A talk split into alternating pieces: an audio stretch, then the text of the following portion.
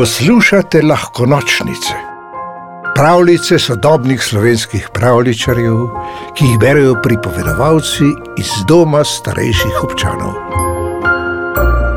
Preveč zdravila. Sonce je počasi izgubljalo moč. Zjutraj in zvečer se je bilo treba včasih že prav toplo obleči. Soseda in prijatelja, pišme uhec in pikolovček, sta se domenila, da se od poletja človešno poslovita z nedeljskim piknikom v potoku. Na bregu sta razprostrla odejo in na njo odložila košaro z maslenimi kruhki, rozinovo potico in malinovcem. Pišmeuhec je s košare neučakano dvignil pleten pokrov in se že nameraval lotiti dobrot, ko ga je pikolovček odločno ustavil. O, ne, ne, ne bova se kar takoj basala. Najprej se nauživa narave, sprehodiva se ob strugi potoka, potem nama bo malica veliko bolj teknila.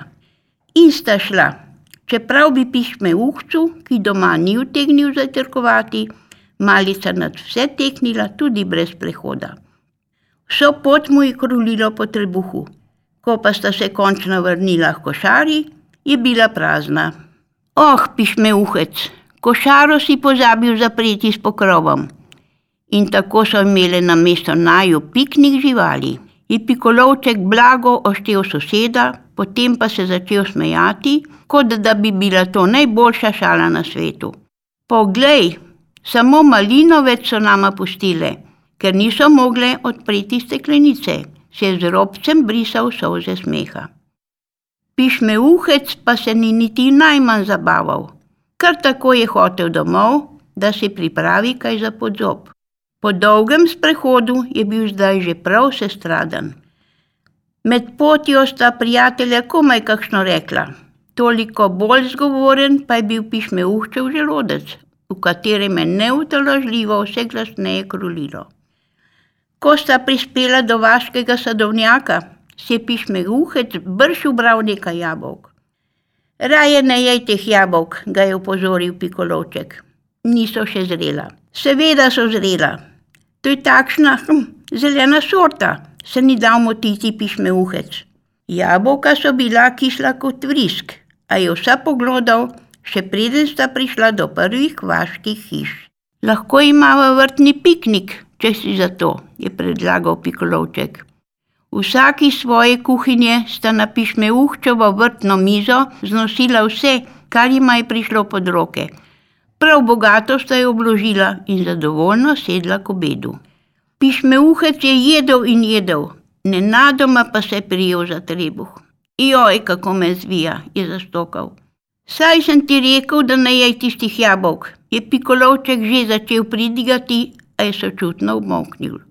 Pišmeuhčev obraz je bil bled kot stena in spačen od bolečin.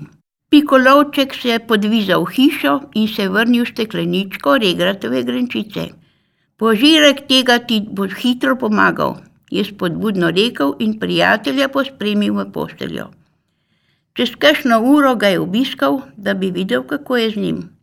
Krčev nimam več, je obnemoglo dahnil pišmeuhec, mi je pa neznansko slabo. Pikolovček je na nočni omarici uzrl prazno stekleničko zdravila. Kaj, vso grenčico si spil? Nič čudnega, da ti je slabo, je zmajeval z glavo. Mislil sem, da mi bo hitreje pomagalo, če spijem več kot samo požirek, je nebogleno priznal pišmeuhec. Oh, prijatelj, zdravilo je treba imati točno po navodilih, ne pa kar vsega naenkrat, je z resnim glasom razlagal Pikolovček.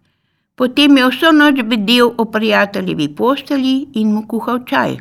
Proti jutru je slabost končno minila in pišmeuhec je bil spet čil in zdrav. Ti si najboljši prijatelj na svetu, je zašepetal in ganjeno pogledal pikolovčka, dremajočega na stolu o posteli.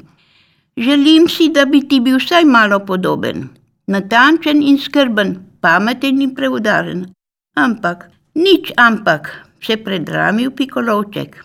Tak kot si, površen in brezkrben, nepremišljen in raztresen, si tudi ti najboljši prijatelj na svetu.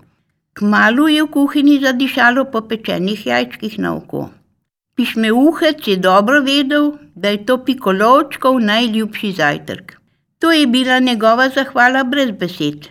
Prijatelju je razumel in jo s kruhom do zadnje drobtinice pomazal z krožnika. Pravljico napisala Damjana Kenda Husu, pripovedovala Mari Klešnik. V deželo princesk, zmajev, gozdnih vil in ostalih čarobnih biti ste vabljeni vsak večer. Novi pravljici prisluhnite na lahkonočnice.si, pa lahko noč.